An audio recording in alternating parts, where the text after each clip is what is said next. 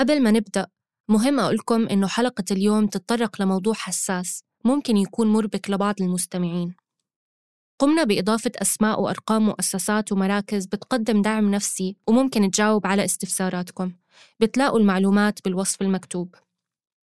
الآراء المطروحة بهاي الحلقة مش بالضرورة بتعبر عن منتجيها.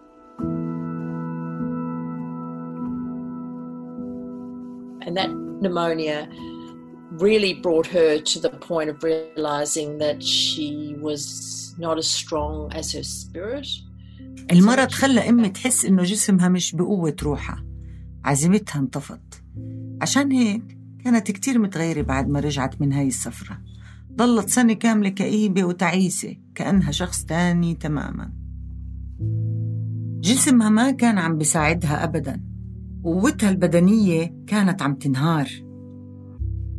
وبيوم من الأيام حكت معي أمي كان عمرها يمكن 87 وقتها. حكت لي كاتي أنا بطلت بدي أكمل. عملت كل شي بقدر عليه. جسمي بطل يساعدني وما بدي أقعد وأستنى اليوم يلي أمرض فيه أو مخي بطل صاحي أو أبطل قادرة إني أقوم بحالي. ما بدي أكون معتمدة على حفيدتي. بعتقد إنه صار لازم أطلع من هالدنيا. أنا جاهزة ونويت. بدي أموت هلأ.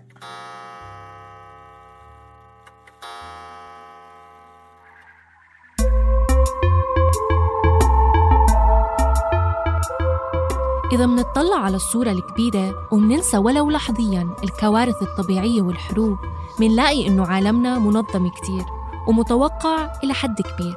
الأرض بتدور بشكل منتظم الأطفال بينولدوا وهم عم يبكوا والإنسان لابد إنه يكبر مع مرور الزمن. وكأنه في إيقاع بيضبط أنماط الحياة مهما كانت مختلفة. بس بهذا البودكاست ندعوكم تنضموا إلنا لنكتشف عوالم جديدة ونغرق مع بعض بإيقاعات بتختلف عن اللي تعودنا عليها.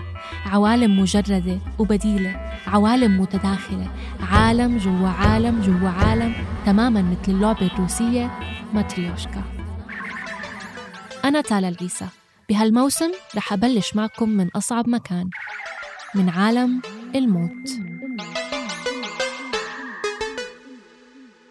قمنا بهذا العمل بالتعاون مع مؤديين قاموا بتمثيل أصوات الضيوف اللي أجرينا معهم مقابلات باللغة الإنجليزية.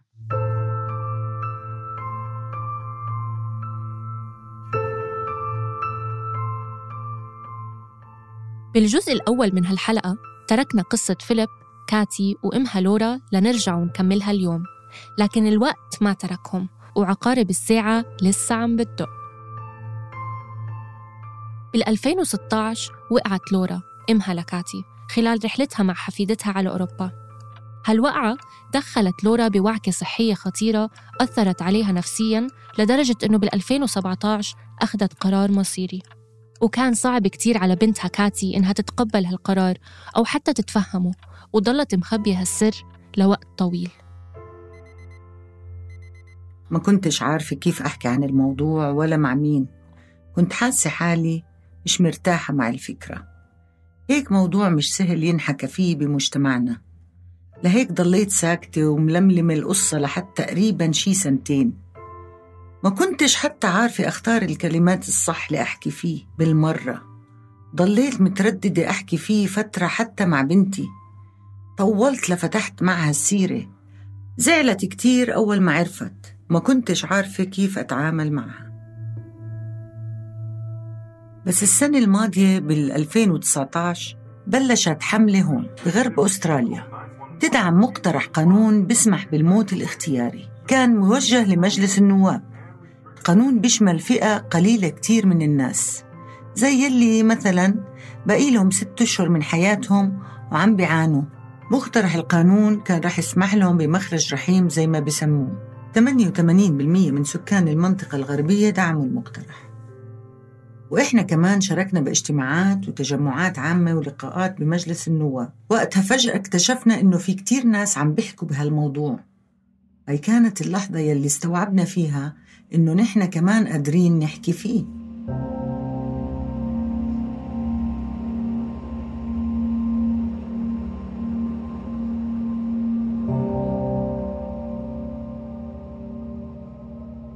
وبعد ما قدرت كاتي تحكي عن الموضوع أخيرا لقت إنه أقاربها وأصدقائها اتفهموا الموضوع برحابة صدر ودعموا خيار ورغبة أمها لورا.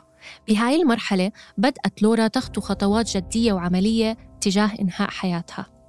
قررت أمي إنها تعمل بحث عن طرق لتنهي حياتها بنفسها. بالصدفة عرفت عن Exit International يلي هي منظمة دولية أسسها فيليب نيتشكي ولقت كتابه دليل حبوب السلام. اشترته أونلاين وقرأته. الكتاب بيعرض طرق متنوعة لإنهاء الحياة. بعد ما قرأت الكتاب رنت لي عشان نتناقش. كانت عم بتخطط إنها تاخد خلطة حبوب منومة وتنهي حياتها ببيتها بأستراليا. المشكلة إنه كان بدها إياني أكون معها بس أنا رفضت. شرحت لها إنه ما بقدر أساعدها لأني ممكن أنحبس إذا كنت معها لأنه هالشي غير قانوني بأستراليا. كان بإمكانها إنه تعمل هالإشي لحالها بس كانت رح تكون نهاية مليانة حزن ووحدة. قبل ما نكمل خلينا نرجع شوي بالوقت لورا لعند فيليب والأشخاص يلي ساعدهم بإنهاء حياتهم. من هنا بدأت القصة. تتذكروا القانون اللي تفعل بأستراليا لثمان شهور فقط بسنة ال 96 خلال هاي الفترة اتعامل فيليب مع خمس حالات. أول حالة كانت لمريض بيعاني من سرطان بالمعدة لجأ لفيليب لحتى يساعده ويموت. بس كانت المساعدة بتتطلب بيروقراطية وشروط كتيرة ما قدر فيليب إنه يلبيها. هالحادثة أثارت ضجة إعلامية لصالح فيليب سمحت له إنه يكمل شغل مع أربع مرضى تانيين لجأوا له لإنهاء حياتهم. His trip to Darwin and his subsequent failure was reported repeated uh, was رحلة أول مريض طلب مساعدتي اتحكى عنها كتير أكتر من مرة في الإعلام. وكمان القناة الوطنية عملت عنه فيلم وثائقي مخصوص عشان الموضوع ده. وكانت هوية المريض واضحة جدا. مع إني اتصلت ساعتها على كل الدكاترة في البلد وطلبت منهم يجوا على المستشفى يتكلموا مع ماكس بيل. ده كان اسمه. عشان يوقعوا على التصاريح مع إني شرحت لهم إنه مش لازم يكونوا موافقين على فكرة إنه عايز بإرادته ينهي حياته.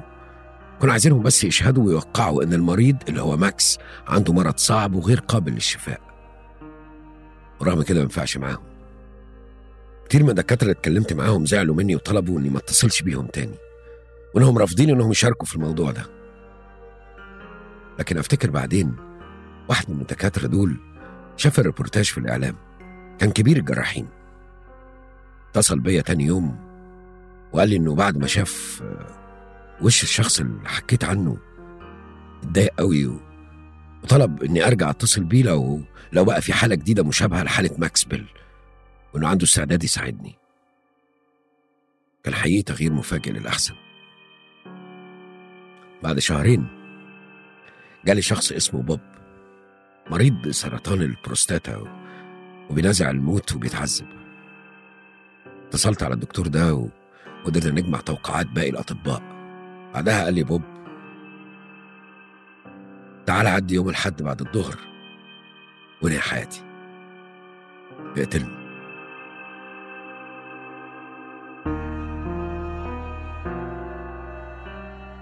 الموضوع كان صعب جدا عليا. كنا ساعتها في شهر سبتمبر 1996 وعشان أقدر أسهل المهمة عليا استخدمت معرفتي بالفيزياء علشان أعمل آلة تخليه هو اللي يدوس على الزرار بتاع الآلة لما يكون جاهز إنه يغادر الحياة. كان كل اللي في ذهني ساعتها إنه بدل ما أنا اللي أديله المادة المميتة بإيدي أخليه هو اللي لما يقرر يدوس على الزرار بنفسه بتدخل الآلة المادة في جسمه ويموت. الابتكار ده ساعدني إن أعمل أو أسيب مساحة حميمية كمان لزوجته اللي قدرت تكون جنبه وتحضنه.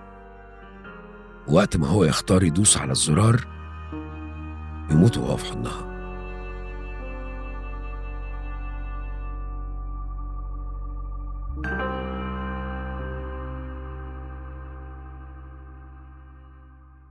أنا بس كنت قاعد براقب الموقف. كنت حاسس إن اللي بيحصل ده هيبقى شيء مهم وإن ده فعليا يوم مفصلي وإن في الأيام اللي جاية كل شيء هيتغير. وفعلا ده اللي حصل بعدها. ثلاث أشخاص قدروا يستخدموا الآلة قبل ما يتلغي القانون. بهداك الوقت يعني بعد استخدام الآلة على أربع مرضى تم إلغاء القانون. الآلة عبارة عن مجسم بيشبه السرير بيقعد فيه المريض وبياخد الدواء وبيموت. بس طبعا العملية بتتم تحت إشراف ومراقبة فيليب نفسه يلي بيقعد جنب المرضى لحد ما يغادروا الحياة.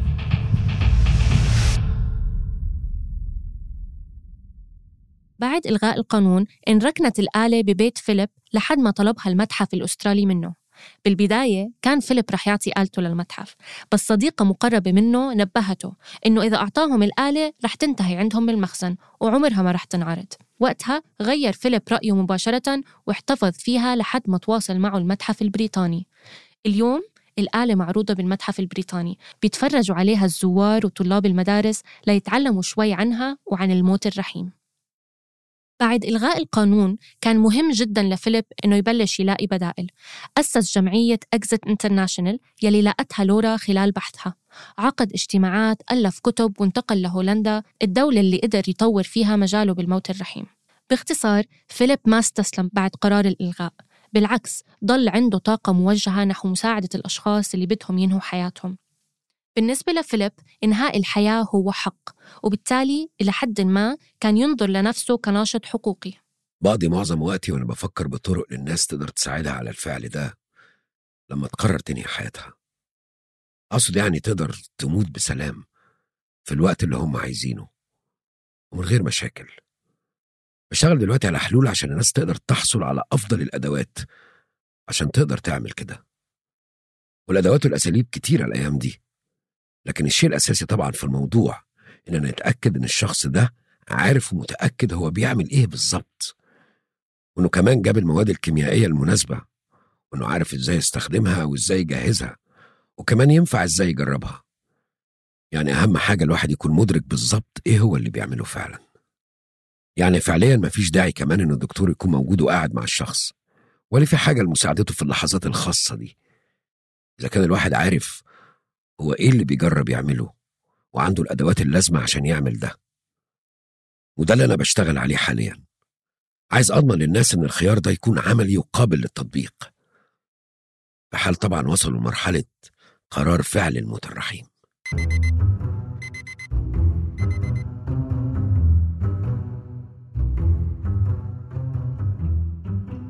هاد بالضبط اللي لقته لورا بكتاب فيليب يلي قرأته. إضافة للأدوية كان في أيضا معلومات عن آلة الموت الجديدة غير يلي بالمتحف البريطاني واللي كان فيليب أحد مخترعيها. اسم هالآلة ساركو. قرر فيليب أنه يخترع ساركو لتغنيه عن أنه يكون موجود مع المرضى أثناء مفارقتهم للحياة واللي هو شرط أساسي بالآلة القديمة اللي كان مخترعها. بالإضافة لشكلها المرتب واللي بشكل ما يعتبر فني وتقني كل إشي فيها جاهز وبانتظار كبسة زر من المرضى. وفيها كمان شباك طوارئ إذا فجأة المرضى غيروا رأيهم وبطل بدهم ينهوا حياتهم وهم بداخلها. لكن بالأخير قررت لورا إنها تغادر الحياة مش عن طريق الآلة ولا الحبوب لكن عن طريق الحقن بالوريد. بيوم من الأيام كانت لورا عم تتفرج على التلفزيون وشافت إشي له علاقة بفيليب وواحد من المرضى اللي عم بيساعدهم. بعديها أمي اكتشفت من الإعلام الأسترالي إنه في زلمة من مدينة بيرث يعني من نفس ولايتنا راح لسويسرا لينهي حياته. كان عمره يمكن 103 أو 104 وكان بده يموت لأنه اكتفى من الحياة. لما أمي عرفت عن هالقصة حكت معي وقالت لي وأنا بدي هيك بدي أروح على سويسرا وفيليب كان مساعد هداك الشخص ومرافقه بالعملية لهيك أمي بعتت لفيليب رسالة سألته فيها كيف ممكن أعمل مثله؟ تقدر تساعدني؟ فجاوبها فيليب آه بقدر أساعدك وهيك بال 2017 بعد بسنة من الوقعة بلشت أمي تراسل فيليب نيتشكي عشان يساعدها وقتها أنا كنت بتفرج من بعيد وعم بقول لحالي مش قادرة أساعدك بهالموضوع مش عارفة شو أعمل. كنت كتير مشوشة ومحتارة وحاسة بمشاعر متضاربة حتى بقدر أقول إني كنت مصدومة نفسيا من كل هالقصة.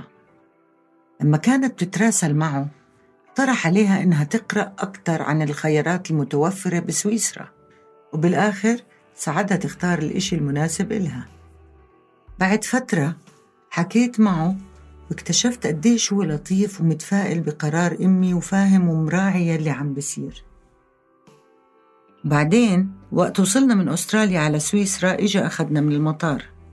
كان تصرف كتير لطيف من طرفه. سويسرا ما كانت خيار عشوائي لأنه بالرغم من أنه في مجموعة بلدان حول العالم بتسمح بالموت الرحيم وما بتجرمه إلا أنه سويسرا بتسمح حتى للمغتربين والأشخاص غير المقيمين من أنهم ينتفعوا من القانون. مع هيك القرار مش بسيط لأنه تكلفته عالية كتير. خيار السفر لسويسرا غالي جدا.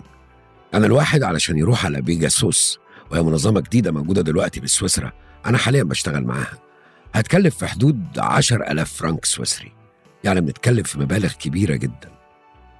كتير من الناس بيتسألوا ليه العملية دي مكلفة جدا؟ حقيقة التكلفة عالية جدا. ولسه كمان نضيف عليها سعر تذاكر الطيران.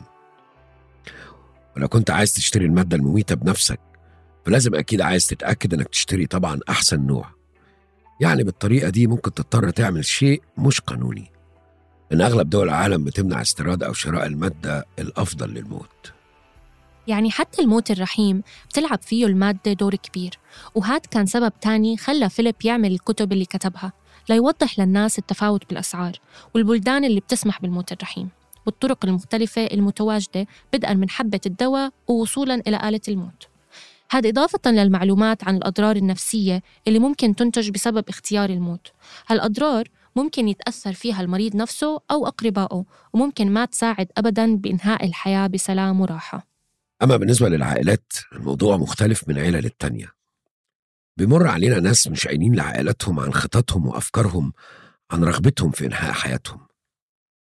إحنا وقت ما بنعرف إنهم مخبين عن قرايبهم بنحاول ننبههم إن الموضوع كبير وإنه ممكن يتسبب متاعب كبيرة للعيلة. وننصحهم برأينا إن من الأفضل يبلغوهم عن الموضوع ده وقرارهم في الانتهاء من الحياة وأسبابهم المنطقية. بس عادة جوابهم بيكون لو عرفوا اللي أنا عايز أعمله هيعملوا أي حاجة عشان يوقفوا قراري ده. مش هنقدر نبلغهم.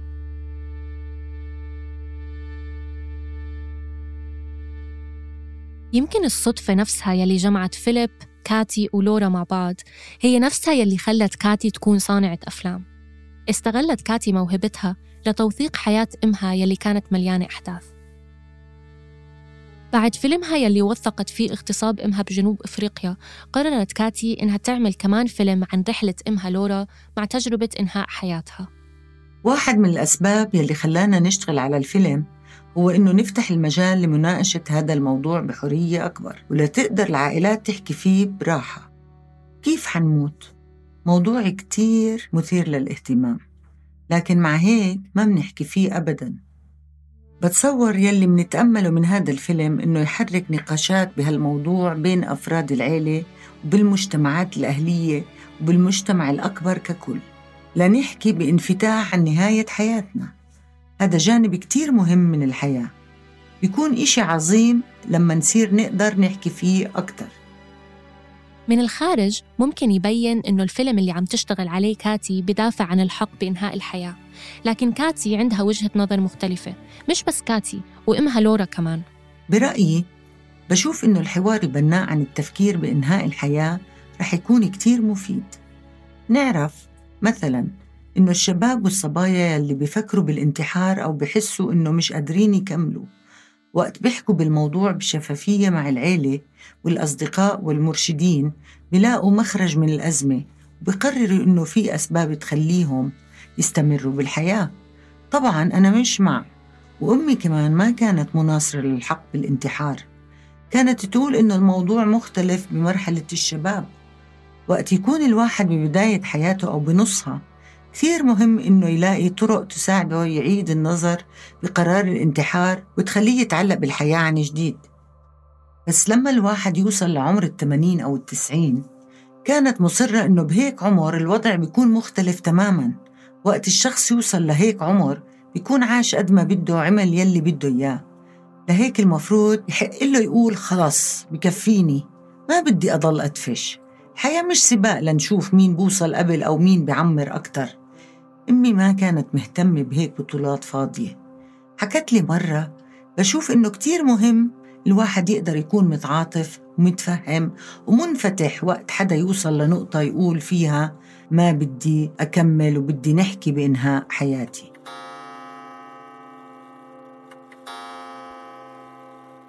إذا تعتبر لورا إنه العمر عامل أساسي بيحدد إذا كان الموت الرحيم خيار مناسب أو لا. بس من ناحيته فيليب بيآمن إنه في عوامل أخرى بغض النظر عن العمر مثل الصحة النفسية والصحة الجسدية. بالإضافة لفيليب في دكاترة تانيين مثل الدكتور الهولندي روب جون كير يلي قابلناه وهو عضو أحد مؤسسي الاتحاد العالمي لجمعيات الحق في الموت. بيقول إنه الاكتئاب المزمن والحاد والأمراض يلي نهايتها الموت المحتم بغض النظر عن عمر المرضى كمان بتعطي حق للأشخاص بإنهم يختاروا إنهاء حياتهم بأنفسهم. بيأكد روب بصفته أحد مؤسسي الاتحاد العالمي لجمعيات الحق في الموت إنه الهدف من هاي الجمعيات مش تشجيع الناس على الموت أو إنهاء حياتهم بل توفير هالفرصة وتقديم الموت كحق من حقوق الإنسان. الهدف هو الوصول إلى إنهاء الحياة بطريقة آمنة بدل الموت بعزلة أو بمعاناة مع مرض آخرته طريق مسدود ومليان تحديات مؤلمة. كانت نعمة إنه كنا عارفين إنه في نقطة نهاية. وهي ما كانت خايفة تحكي عنها. حتى عملت حفلة وداع رائعة تسلينا فيها كتير. كانوا كل أصحابها وصحباتها معها. كان إشي بجنن. كان في فرح كتير بهداك اليوم. كان حلو لأنه كان بدل العزا وبدل ما ينعوا الناس ويصيروا يحكوا عنها أشياء كانوا عم يحكوا لها إياها إلها وهي كانت عم تسمع ومبسوطة وممنونة. هذه العادة عادة الوداع ما عنا إياها بمجتمعنا. عنا عادات للولادة وعادات للزواج بس ما عنا عادات للوداع. وهي كانت حاسة إنه هالإشي مهم. كنت كتير ممنونة إنه كان عندي 8 أشهر لأحضر رحيل أمي. كنا عارفين التاريخ. لهيك كنا قادرين نفكر بالموضوع نعمل كل الأشياء يلي كانت على بالنا. كنا قادرين نطلع كل الطلعات يلي كانت بنفسها. وأمي قدرت تحكي كل إشي بقلبها بدها تحكيه وعاشت كل التفاصيل الصغيرة يلي كانت بدها إياها. قدرنا نعمل كل هاي الأشياء. هذا الموضوع خيار. بتفهم إنه في ناس بفضلوا يتركوا هالمسألة لربهم أو لطبيبهم أو لعيلتهم. هذا حقهم. بس بتصور كمان إنه يلي بيشوفوا الموت الرحيم كخيار أفضل إلهم لازم يكون عندهم الحق إنه يعملوا يلي بيشوفوه مناسب. فيعني ما بقدر أحكي إني صرت ناشطة بهذا المجال بس أكيد بحب أنهي حياتي زي ما أنهتها أمي. حتى فيليب نفسه عنده تصور خاص عن مماته.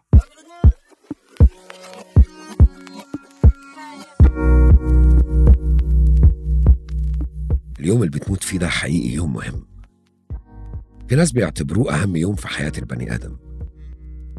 بدل ما تروح تسيب نفسك تقع في الهوية شوية شوية وتدخل في مرحلة الانهيار القاتم. تقدر تاخد آلة الساركوبود مثلا في مكان حلو وجميل تعرف فيه تودع أحبابك. بعدها تدخل على الآلة وتدوس على الزرار. من وجهة نظري بلاقي إن دي الطريقة المستحبة والأفضل طالما دي دورة الحياة الحتمية. رغبتنا في البقاء على قيد الحياة قوية جدا.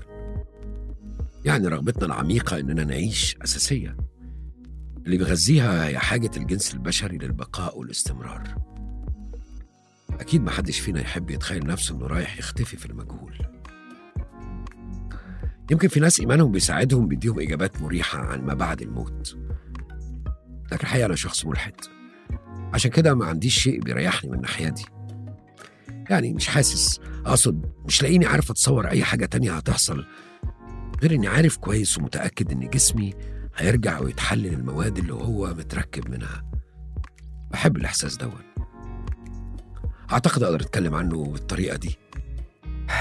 الحقيقة بتكلم زي ما تكون فكرة روحانية شوية. إن جسم الإنسان هيتعاد تدويره. لكن طبعا ما عندناش ولا أدنى فكرة عن اللي هيكون بعد الموت. وبالتالي طبيعي إن الناس تتمسك بالحياة. بعتقد أنا نفسي هكون من الناس المتمسكين بالحياة. أفضل أطالب إن التأمين الصحي يصرف عليا علشان أفضل عايش أطول فترة. لكني بتأمل إني أكون برضو قادر أميز إني وصلت لنقطة النهاية لما أوصل لها. ساعتها أغتنم اللحظة عشان أحول الموت لفرصة. لفرصة نقدر نحتفل بيها. ونكون جزء من الاحتفال بالحياة. ولو بالموت.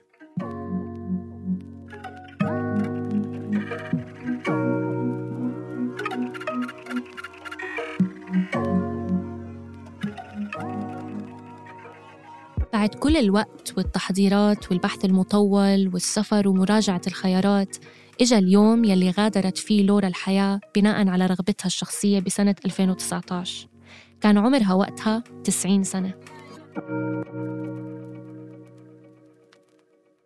بيوم رحيلها فاقت الصبح مرتاحة ومنعنشة كانت جاهزة كانت مجهزة حالها نفسياً وجسدياً. بعتقد إنها كانت واصلة لمرحلة وكأنها ركضت ماراثون كامل وبدها إياه يخلص. ما بقدر أوصف قديش أنا ممنونة إنها رحلت بكانون الأول. لأنه لو كانت اختارت آذار أو نيسان كان رح تصير جائحة كورونا وتوقف كل الطيران الدولي. كانت ما رح تقدر تنهي حياتها زي ما بدها وكان إبصر لمتى ضلينا عالقين ومش قادرين نسافر. يمكن لآخر السنة. بتخيل إنه هذا الوضع كان رح يعصب أمي ويضايقها كتير.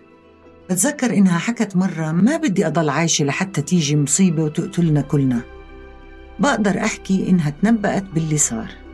كانت كمان تحكي عن التغيير المناخي إنه رح يتسبب بحرائق كبيرة ورح نضطر نتخبى بالملاجئ. بعد موتها بأسبوعين ولعت أستراليا وانحرقت البلد وبعدها إجت الكورونا. كأنها فعلا تنبأت بهاي الأشياء بس هي قدرت تعمل اللي بدها إياه باليوم يلي كان بنفسها وبالطريقة يلي اختارتها. وهاد إشي عظيم. كان فيليب مهيئ المكان للورا وكانت كاتي معها بالغرفة. مش بس هي كانت كاميرتها موجودة كمان لتوثق الحدث حسب رغبة أمها. موت أمي كان مرتب بطريقة كتير حلوة من قبل العيادة كانوا مجهزين القطارة والدكتور كان موجود وكان معه المحلول المحضر بالصيدلية.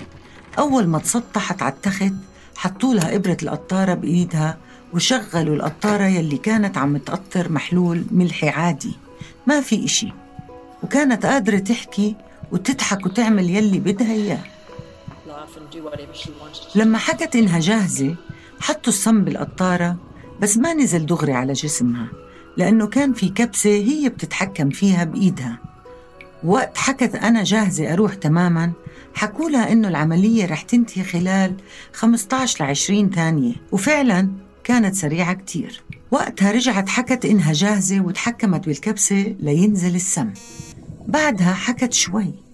آخر إشي حكته كان بدي الفيلم يكون رائع. رائع لدرجة إنه يفتح نقاش كبير. بعديها سكرت عيونها وغفيت. رحلت بوقت سريع وبسلام مثل لما يعطوا مخدر قبل العملية. ما كان في تعبير وجع لا على وجهها ولا بأي جزء تاني من جسمها بس غمضت عيونها وغفيت.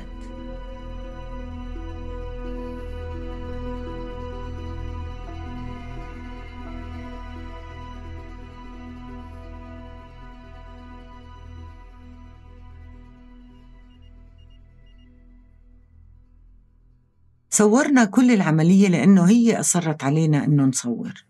لسه اليوم كنت بحضر هذا المشهد لأنه عم نشتغل على المونتاج. كان كتير مؤثر لدرجة أنه خلى قلبي يدق بسرعة.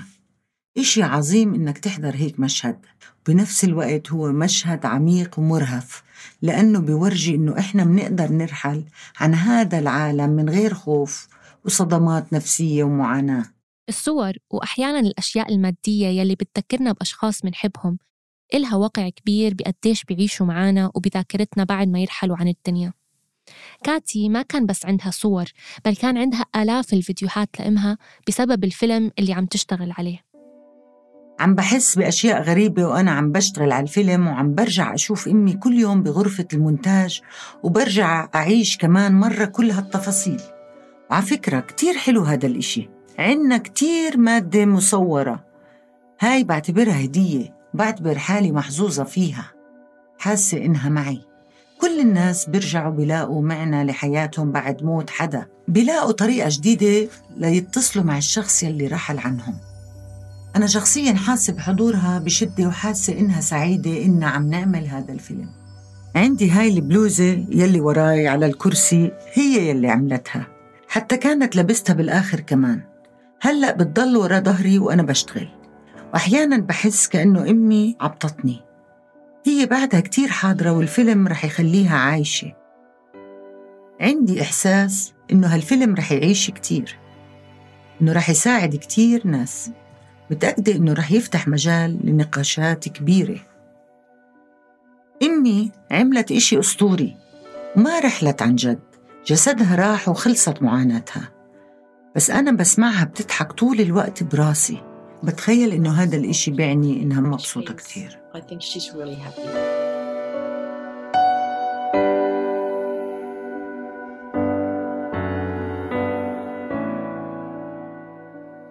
بنهاية هالحلقة حابين نترككم مع رسالة كتبها شريكين أنهوا حياتهم مع بعض عن طريق المنظمة يلي أسسها فيليب. اسمهم سيدني ومارجوري. إلى من يهمهم الأمر؟ بنتمنى أنكم ما تحكموا علينا أو تشعروا بالسوء تجاه القرار يلي اتخذناه إحنا حاليا بآخر الثمانينات والتسعينات قربت بهالوقت من عمرنا هل من المنطقي نتوقع أنه صحتنا ما تتدهور؟ وإذا جسديا ما تدهورنا هل رح نكون واعيين وصاحيين عقليا؟ بال 1974 إحنا الاثنين فقدنا شركاء حياتنا يلي حبيناهم كتير ولمدة سنتين ونص مارجري انعزلت عن العالم وانطوت على نفسها وأنا صرت مدمن كحول. ما عنا النية ولا حابين إن نرجع نمرق بهالتجربة الصادمة والمؤلمة مرة تانية. لهيك قررنا إنه بدنا نترك هاي الحياة مع بعض. تركنا تعليمات لشو بدنا يصير فينا بعد ما نموت. بدنا يتم حرقنا وخلط رمادنا مع بعض. حاسين إنه بهالطريقة رح نكون سوا للأبد. نتمنى إنكم ما تشعروا بالحزن أو الكآبة علينا. نتمنى إنكم تشعروا بالسعادة بقلوبكم مثل ما هي بقلوبنا. سيدني ومارجوري كلوفت